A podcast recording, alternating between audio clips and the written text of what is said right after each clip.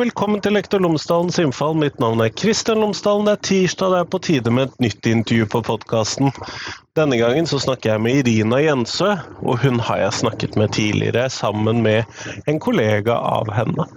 Hun jobber på et av Norges mange PPT-kontorer, og denne gangen så skal vi snakke om matematikkvansker. Og ikke de vanlige matematikkvanskene vi kanskje tenker på, men nå skal vi snakke om de matematikkvanskene som skyldes andre diagnoser og problemstillinger. Altså ting som ikke er hva skal vi kalle det, matematikkrelatert, men som likevel har følger for matematikkundervisningen. Og Det er et uh, veldig nytt perspektiv for meg, og jeg tror at du også vil synes at det er interessant. Ellers, podkasten er som alltid sponset av Fagbokforlaget, og hvis du går inn på fagbokforlaget.no, så finner du et forlag som driver med bøker for hele utdanningsløpet, fra barnehage til høyere utdanning og profesjonsstudier, og i tillegg norsk for minoritetsspråklige, hvis det er det du er på jakt etter. Og Det siste året så har det kommet ut en rekke spennende titler til lærerutdanningen, og to av disse er Lekende læring og lærende lek i begynneropplæringen, og Profesjonell muntlighet. Og i boken Lekende læring og lærende lek så utforsker forfatterne ulike tilnærminger til lekbasert undervisning. I fag, på tvers av fag, i skoledagen og for å bygge skolemiljø. Og I profesjonell muntlighet så handler det om stemmebruk, retorikk og diksjon, og den er skrevet for alle som lever av å snakke. F.eks. sånne litt slitne podkastere en sen kveld på Bergensbanen. Og nå skjønner du kanskje, hvis du hører alle episodene mine, at jeg spiller inn episoder samlet på samme tid og på samme sted. Men sjekk ut i hvert fall fagbokforlaget.no for uh, nye, stadig nye læremidler der. Men nå, nå får du Irina, vær så god.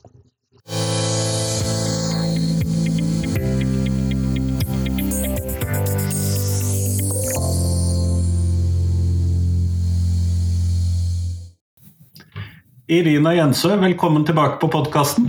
Tusen takk. Hyggelig å være her. Denne gangen så har jeg lyst til å snakke med deg om matematikkvansker, og det er jo kanskje ikke så overraskende, for det er jo på mange måter det vi til dels har snakket om før.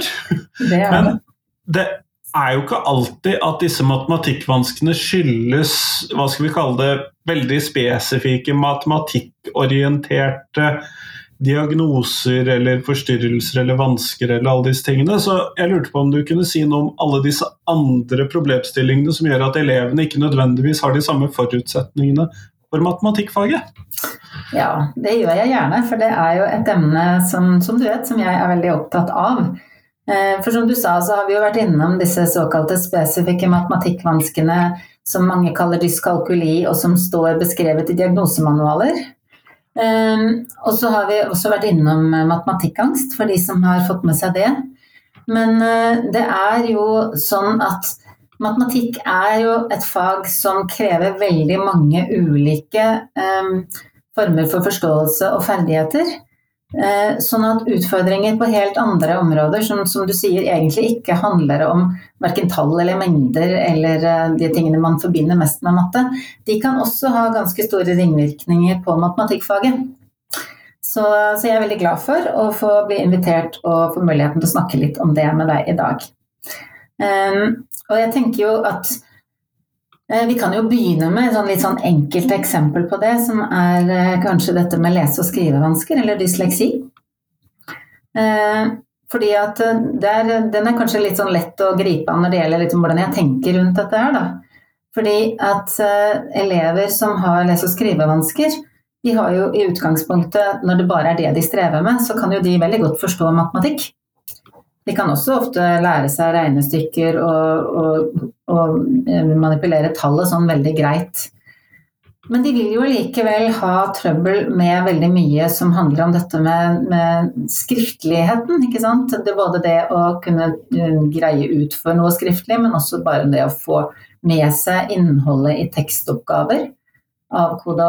Og når du skal jobbe med tekstoppgaver, det å liksom kunne bevege seg raskt opp og ned i teksten, skanne litt, har jeg fått med det vesentlige her, har jeg svart ut? Noen av dem har jo også det altså Noen snakker om at bokstavene hopper. For en del av disse barna hopper jo også tallene. Eh, og da kan du jo plutselig begynne å bytte plass disse sifrene, og så får du regnefeil som du da kanskje også strever med å oppdage eh, underveis. Eh, så det er jo et sånn ganske sånn konkret eh, eksempel på en annen type vanske som har innvirkninger på matte. Da. har jeg forstått det riktig at den typen oppgaver har blitt mer populære de siste årene? Og da vil jeg tro at dette blir mer utfordrende for en del av disse elevene? Ja, det, det kan det godt bli. Og de er nok eh, Egentlig så bør de jo også bli mer populære, de oppgavene. Fordi det handler jo mye mer om forståelse. Det har jo vi vært opptatt av før, da. Jeanette, kollegaen min som var med på de andre podkastene, og jeg. Det at man skal få anledning til å resonnere rundt, eh, jobbe med å utforske, forstå stoffet. Og da blir jo tekstoppgaver de er jo på en måte mye mer vinklet inn mot virkelige problemer enn bare rene regnestykker.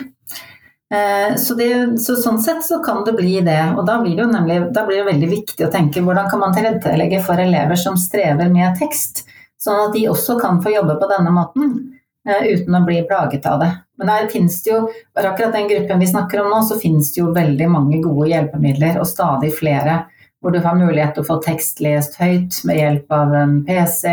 Hvis ikke du har noen andre tilgjengelig som kan lese det høyt for deg. Få hjelp til å få lest opp ting man selv har skrevet. Altså der, der fins det etter hvert masse hjelpemidler eh, som de elevene bør få bruke. Så, eh, men som en inngang på dette temaet, så tenkte jeg det er et sånn litt sånn lettfattelig eksempel. Og så er det andre grupper som vi kanskje ikke oppdager like fort i et klasserom, da som jeg også tenkte vi skulle snakke litt om. Nettopp. Eh, ja.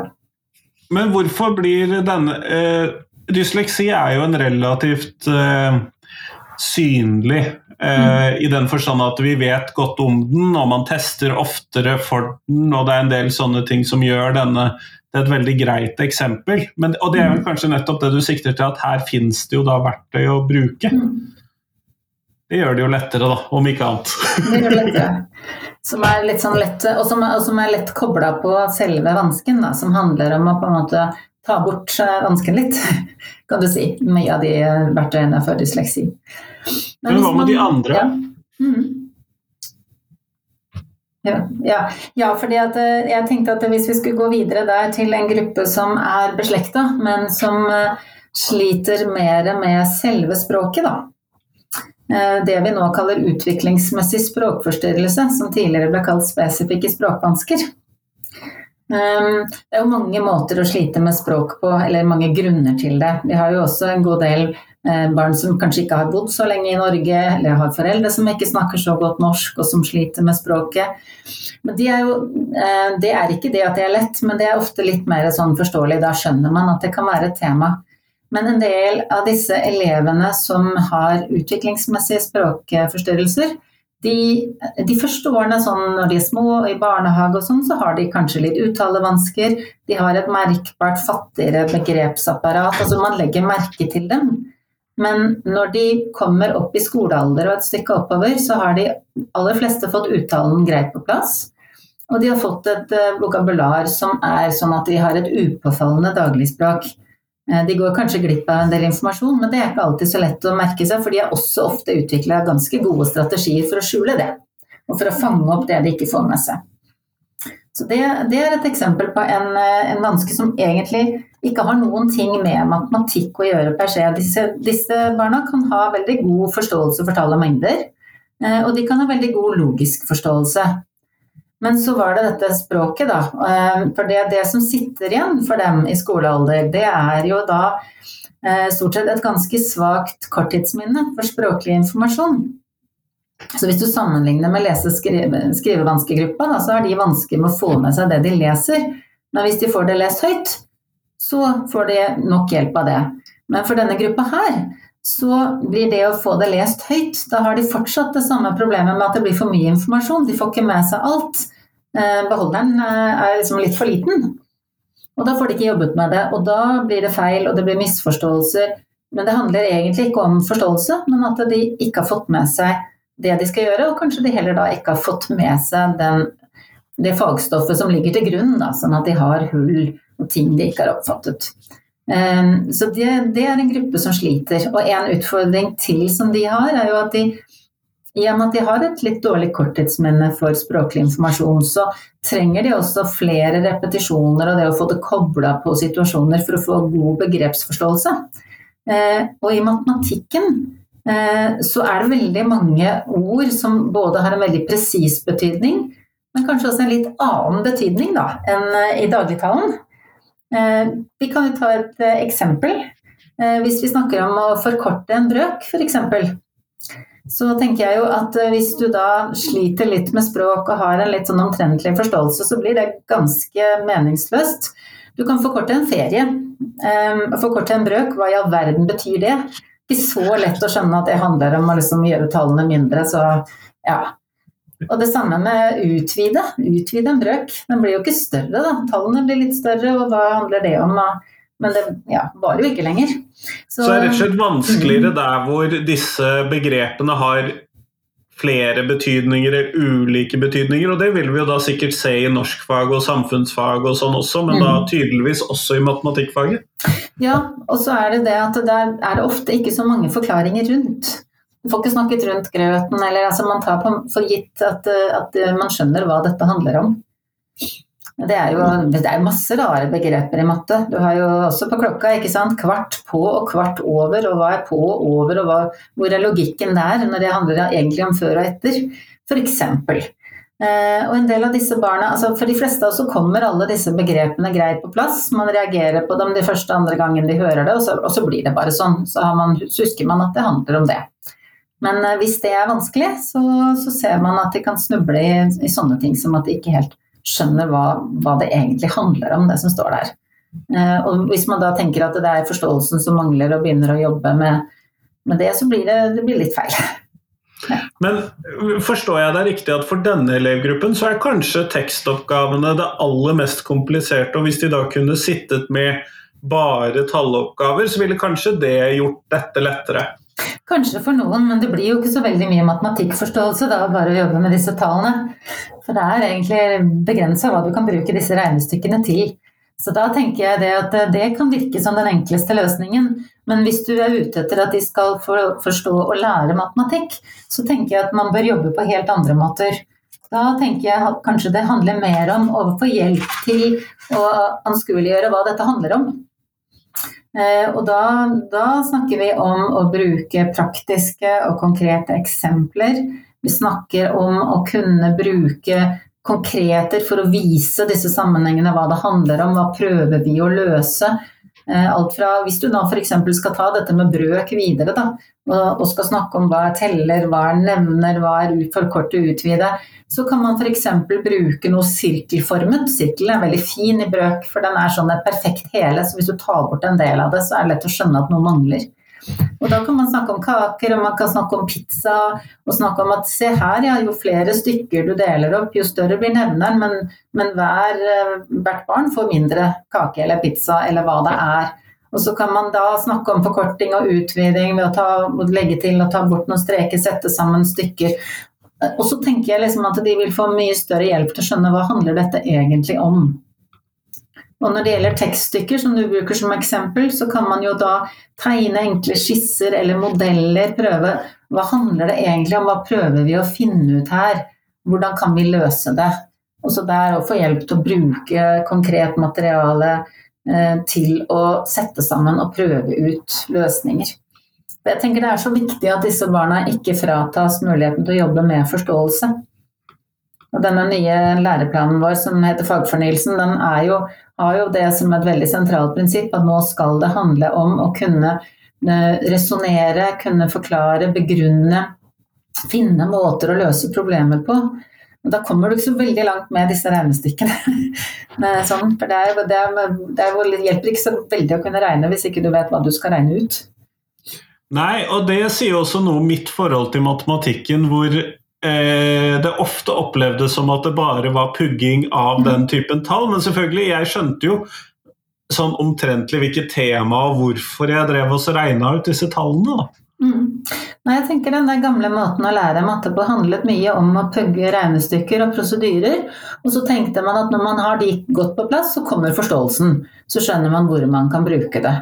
Eh, og så tenker jeg at for de fleste så går det etter hvert. Det er ikke den morsomste måten å lære matematikk på, men man får det nok på plass til at man får et, funksjonelt nivå. Men for en god del eh, elever så funker ikke det der, av forskjellige grunner. Og dette er jo en av de eksemplene på en gruppe hvor det funker veldig, veldig dårlig. Eh, for de får ikke Pugita, de får ikke automatisert disse prosedyrene. De skjønner ikke helt hva de driver med på begrepene. De får ikke noe hjelp til å knytte det til noe håndfast. Og så blir de sittende fast i kanskje å terpe og terpe på det, og kommer ikke videre på det de faktisk kunne ha jobbet med og forstått. Så en del elever med språkvansker de har veldig dårlig matematikkfungering, mens de egentlig har gode forutsetninger for å forstå og, og lære matematikk, hvis de får jobbe på en annen måte.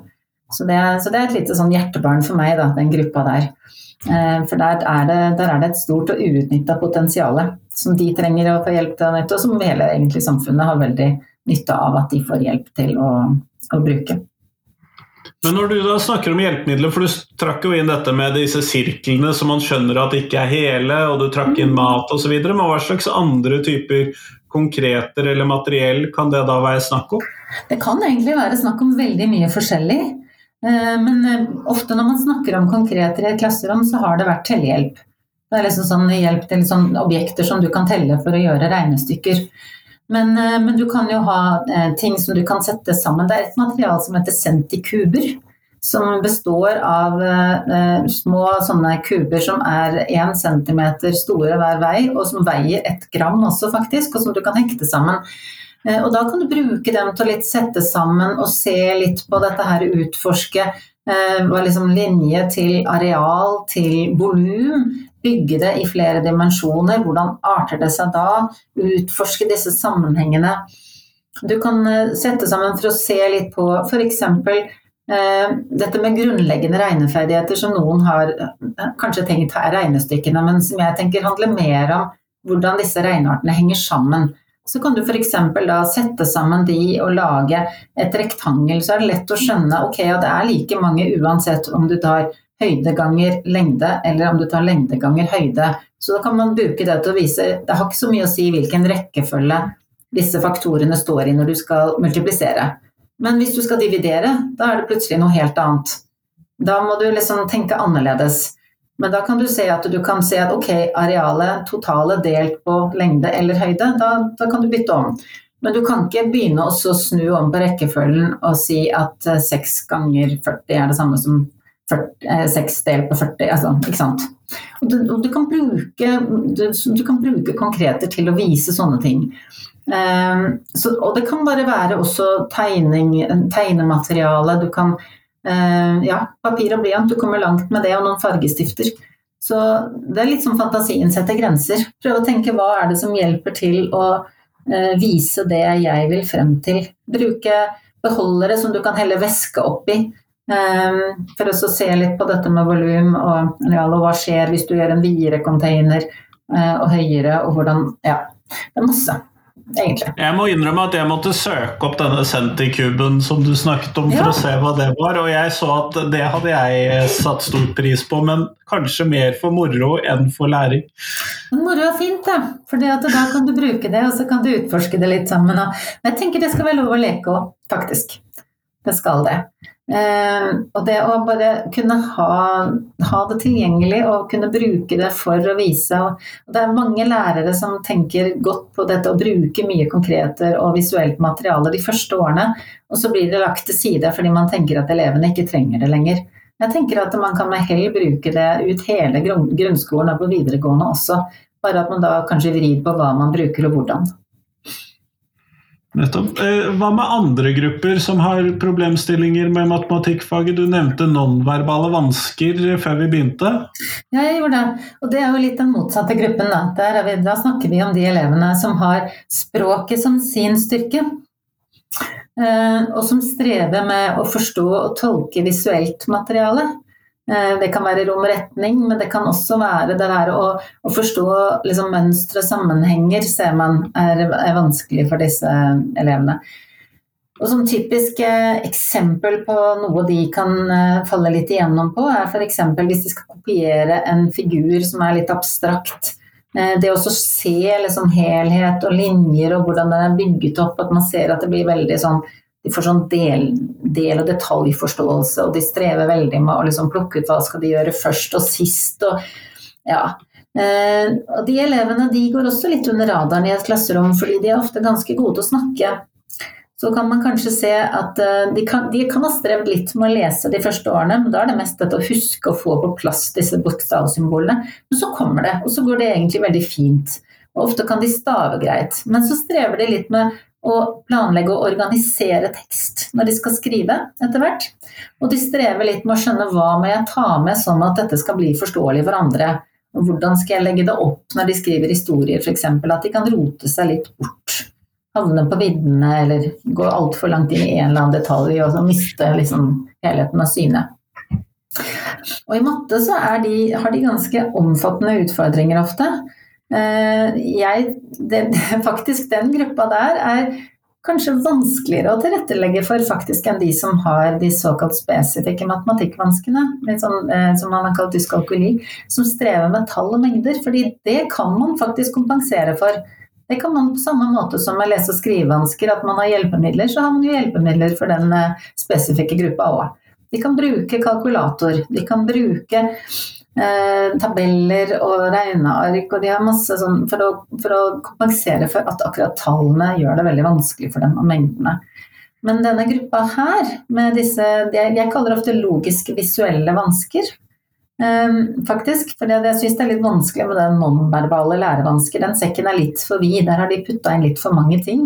En del elever strever ikke med sosiale ting eller, eller har klumsete motorikk som liksom var med i den sekken. De har bare rett og slett det der med vansker med å forstå og tolke abstrakt visuelt materiale. Men de har fortsatt de store, store vansker med logisk forståelse i matematikken.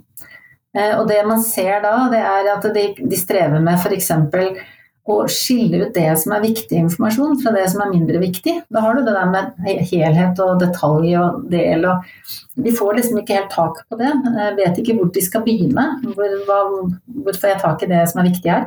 Eh, de strever med å se fellestrekk. Så hvis de har lært én måte å løse noe på, og denne gruppen elever kan fort være gode de faktisk til å lære seg tivenner og gangetabell eh, og pugge en del prosedyrer, men de, litt, de, strever litt med å skjønne hvor de skal bruke det.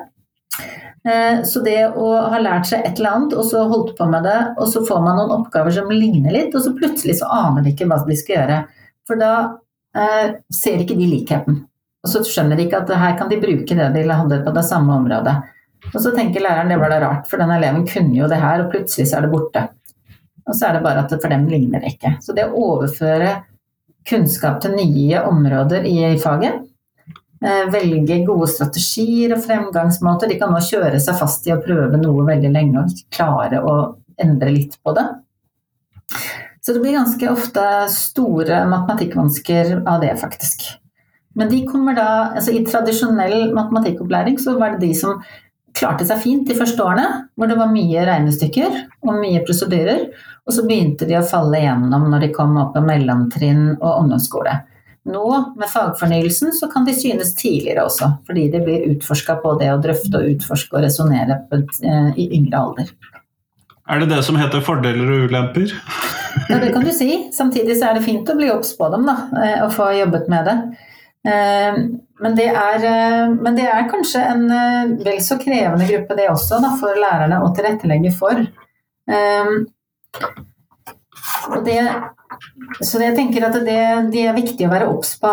Og man kan også man kan kjenne dem litt igjen på at de ofte ikke er så veldig glad i tegning og konstruksjonslek som barn, og de strever kanskje med det enkle tegninger også på skolen. Ikke de som er mest glad i kunst og håndverk heller ofte. Eh, og at de kan streve litt med å orientere seg på nye steder, rom, retning, sånne ting. Så kan man se det på det. Og at de skravler og skravler, men at det noen ganger blir vanskelig å finne essensen. Men det, når man skal jobbe med den gruppa, så tenker jeg at der òg blir det jo veldig viktig at de på en måte De må jo få hjelp til å bruke den språklige styrken sin, da. Eh, så det å få hjelp til å sette ord på og forklare sammenhenger, og utfordre dem til å sette ord på det de ser. Eh, for da kan man òg lett fange opp misforståelser. For det har de ofte ganske mye av. De kan godt ha en litt sånn bokstavelig forståelse av ting som har blitt sagt, de har en eller annen oppfatning, og så drar de den videre. og så og så blir det, blir det, litt rart. Så det å få dem til å sette ord på det, forklare sammenhengen så man kan ta tak i og rydde opp i misforståelser, det er en sånn viktig hjelp. Eh, og det å hekte det på litt ting, ting de kan før, fra før, forkunnskap, praktiske eksempler. Vise, liksom være ekstra nøye med å vise sammenhenger til annet lærestoff for dem. Det jeg tenker er veldig viktig tilrettelegging der. Og hvis, det med visuell og konkret støtte jeg tenker at Hvis man skal bruke det, og det kan det være, det er fint å utvide overfor den gruppa, så må det være veldig enkle ting. For de blir lett overvelda. Det blir lett for mye informasjon. det kan jeg se for meg. Ja. Så hvis du tenker den gruppa med språkvansker, så kan du si at du utvider deres minnekapasitet med det visuelle. De husker mer og, og kan jobbe bedre med det visuelle. Eh, så er det litt for denne gruppa her, så blir det mer det at de må få hjelp til å utvide forståelsen av det visuelle ved å bruke språket som stillas. Da. Så, så det blir eh, Ja. Den er litt krevende. De kan òg ha nytte av en type sånn oppskriftsbok, den gruppen der. Da, og da kan man jo bruke noe, noe Man har mye muligheter i dag som man ikke hadde før. Så man kan f.eks. bruke et digitalt verktøy som Book Creator, eh, hvor de kan legge inn og Eh, å ha sine forklaringer og jobbe med det underveis og ha det som et levende verktøy. Men da er det viktig at de gjør det sammen med læreren. Sånn at de får hjelp til både å få det riktig, men også sånn at de forstår det, at de kan bruke det. At det gir mening. At ikke det blir nok en lærebok. Ja, for det er jo ikke alltid at de forklaringene som funker for læreren, er de som funker for eleven? Nei, dessverre. Det er litt variabelt, det. Noen har veldig nytte av det, og noen eh, henger ikke helt på. Det er, eh, og, det, og det, dette er også en sånn gruppe som kan tro at de har forstått, og så viser det seg når man graver i det at de har ikke det helt likevel. Og Det er derfor det er så viktig å få dem til å sette ord på hva de har forstått. Sånn at læreren har en mulighet til å skjønne at oi, det gikk visst ikke helt inn likevel. Her må vi jobbe litt. Men dette er jo veldig ulike grupper, dette som du nå har skissert. Eh, mm. Og det er veldig ulike hva skal vi kalle styrker og eh, ting som de får til, og veldig ulike ting som de har vansker med, og som gjør at de ikke får det til. Ja. Uh, og da er jo mitt sånn spørsmål som lærer, og som skal stå der ute i det klasserommet med 30 av disse. Forhåpentligvis kanskje ikke alle med disse vanskene, da, men Nei, 30 elever. Ja. Hva skal jeg gjøre i klasserommet for å gagne alle disse gruppene? Ja, ikke sant. Og det er jo en, det er jo en skikkelig utfordring. Men, eh, og det er, ikke, det er, jo ikke, sånn at det er noen quick fix, men jeg, jeg, tenker at det er noen ting som kan gjøre det enklere. Eh, og det er jo å tenke eh, Hvis du tenker alle disse gruppene litt, og tenker at du skal tilby noe av det som er bra for hver gruppe, eh, på det jevne og for alle, Eh, for det er faktisk også sånn at det som er veldig, veldig viktig for disse gruppene, det er bra for mange. For de aller fleste. Eh, sånn at det å f.eks. i klasserommet når man jobber med matematikk, at man alltid har tilgang til mye variert materiell og metoder og, og konkreter og tegneark og modeller, og, sånn at man har så disse med språkvansker, eller det er jo også andre grunner, da. Det skal sies konsentrasjonsvansker kan òg gjøre det veldig vanskelig å følge muntlige utgreininger, selv om man egentlig har godt språk. Så det er mange i et klasserom som vil streve med å få med seg instrukser og forklaringer og beskjeder. Eh, så jo mer du har tilgang til eh, visuelle, konkrete ting som de kan gripe til som en naturlig ting, som bare ligger der og som er tilgjengelig, det vil hjelpe. Eh, og, og, at læreren lærer seg til når man gjennomgår, å alltid bruke for den saks skyld tavle, kritt, elektroniske tavler, hva som helst. Tegne litt opp mens man snakker. Bruke bilder, bruke visuell støtte. Eh, det vil hjelpe mange av disse. Så det å, det å, tenke det, det å tenke utfordre elever til å forklare litt ekstra samtidig som du har denne visuelle støtten, da, da tenker jeg du favner litt sånn begge disse gruppene. Eh, og det å bruke eh, åpne, rike oppgaver, la elever utforske. For da når de får ta i å jobbe med det selv og velge seg sine måter å finne ut av ting på, så vil man også lettere kunne få veiledet dem på det de trenger. Så det å la dem jobbe litt eh, og gå litt rundt og ta tak i hva hver enkelt har valgt, og hekte det på deres forståelse, da. Eh, det vil hjelpe. Så tenker jeg også at uh, En ting som man snakket mye om de senere årene, men som jeg tror mange syns er krevende, det er dette Vi har vært veldig glad i nivådeling tradisjonelt i norsk skole. Det har vært veldig mye av det. Sette sammen de som er på noenlunde samme læringsnivå. Helt fram til det ble veldig upopulært. Ja, og det er en grunn til at det ble upopulært.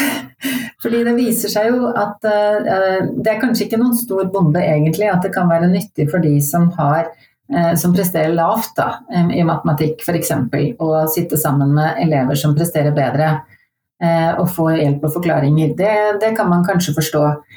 Men det viser seg jo også at når du jobber litt mer variert da, og med eh, forskjellige metoder og med dette litt mer åpne utforskende, så er det en del av de eh, tradisjonelt lavtpresterende elevene som kan glimte til. Eh, og faktisk komme med innsikter og forståelse som de høyere presterende Eh, ikke ser, fordi at de nettopp har kanskje vært vant til å måtte jobbe rundt noen handikap som gjør det vanskeligere, finne seg sine metoder. Disse som strever med hukommelse eller korttidsminne f.eks., men som egentlig har god forståelse, har kanskje laget seg noen sånne snarveier og strategier som kan funke veldig godt. Så man ser at de som tradisjonelt har gjort det svakere, kan nå glimte til og komme med ting som de høypresterende har veldig glede av. fordi de har ikke behøvd dette, de har klart seg greit. De har ikke lært å være så veldig kreative eller tenke utenfor boksen, og kan bli da stående fast når det faktisk er det de trenger å gjøre. Så, så det man ser mer og mer, det er, og der er det jo faktisk nylig kommet en doktoravhandling, Anita Movik Simensen, det er jo en du kan snakke med òg, faktisk, som forska på dette med å sette sammen elever på ulikt læringsnivå i matematikk. Eh, og hvor hun også, i likhet med flere andre som har gjort det samme, kan vise til at det kom gode resultater for både de som var tradisjonelt høytpresterende og lavtpresterende ofte i disse gruppene. At de hadde veldig nytte, gjensidig nytte av hverandre. Og bare noe så enkelt som for de som er, ofte er, som har de beste resultatene, å bli utfordra på å skulle forklare hvordan de tenker, eh, så er det faktisk veldig mye god læring i det òg. Det er det. Det er veldig nyttig å bli utfordret til å sette ord på hvorfor ting er som de er. Og når du har tatt det veldig lett, så kan det faktisk òg være, være, litt krevende og føre til en bedre og dypere læring også for dem. Så det er, en, det er en ting som jeg tenker at jeg ønsker å se mye mer av.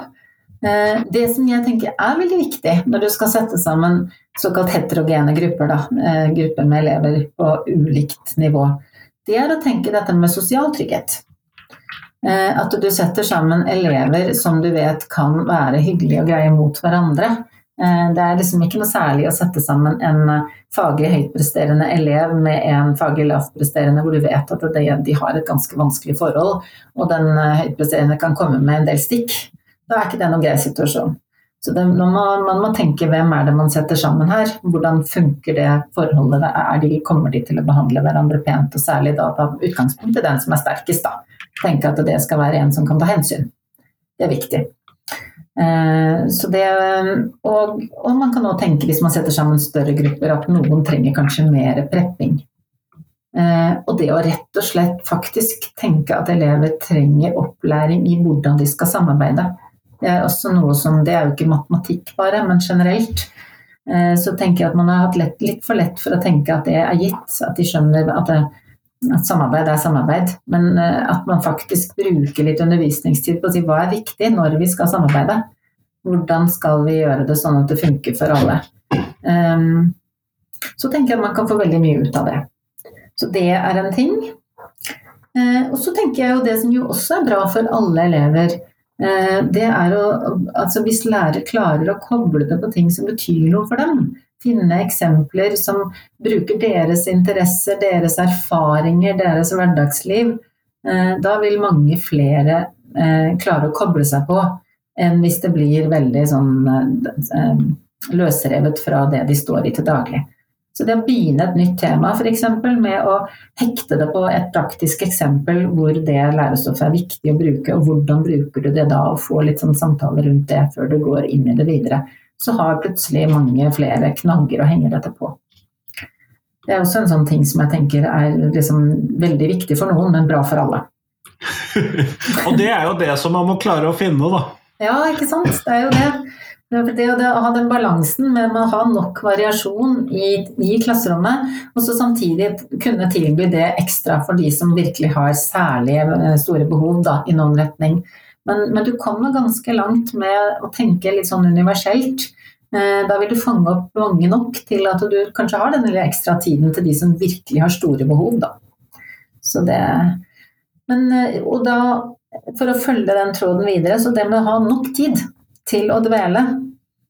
Eh, og da kan det jo være veldig fint også å tenke dette med litt sånn de rike oppgavene hvor du kan utvide litt for de som blir fort ferdig, så ikke de sitter og kjeder seg mens, eh, mens de andre liksom bruker lang tid. At det er nok variasjon i selve materialet til at de som er raske også får noe å gjøre. For det er jo et poeng, tenker jeg. Man skal slippe å sitte og vente og vente og vente og ikke ha noe å gjøre i et klasserom. Men, eh, men at, man, at, man, får nok tid til å dvele litt ved fagstoffet, utforske, tenke ordentlig gjennom for de som trenger det. Og så, ja, den siste generelle som jeg tenker også er mer fokus på i det siste, og som ikke er matematikk, men generelt, det er det å, å ha høye forventninger. Vise elevene at man tenker at de skal kunne få til, at de skal forstå og mestre.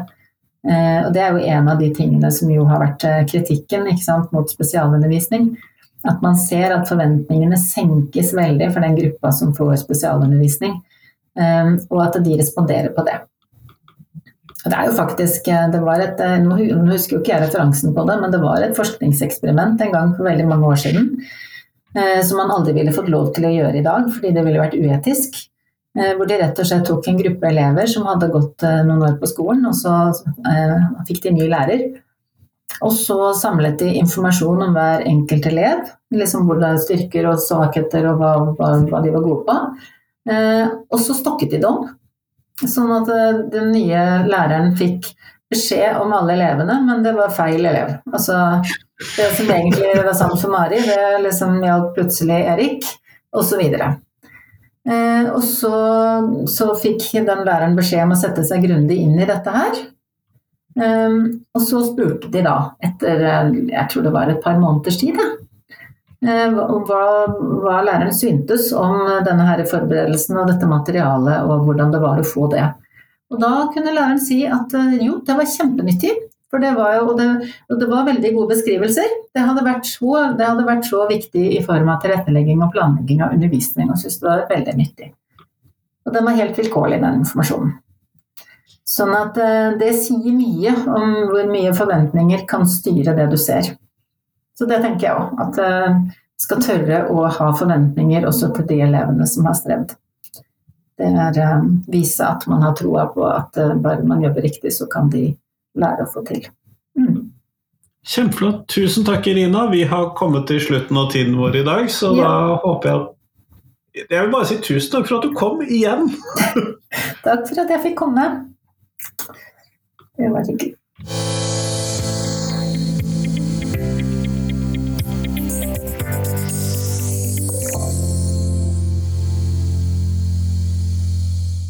Tusen takk til Irina, og tusen takk til deg som har hørt på. Nå er det fram til fredag så kommer det et nytt intervju på podkasten min, og det er potensielt en av eh, ChatGPT-episodene mine, hvis de fremdeles går. Eller det blir en reprise, eller det blir noe annet som melder seg. Det er mye som kan skje når man driver med podkast. Backupen er i hvert fall alltid en av gullepisodene med repriser, og så hender det at det blir noe annet. Men nå, nå håper jeg at du kan eh, sende meg dine tips til hva podkasten skal handle om. Hva er viktig, hva syns du? Hva tenkte du om ChatGPT? Hva tenker du om ChatGPT fremdeles?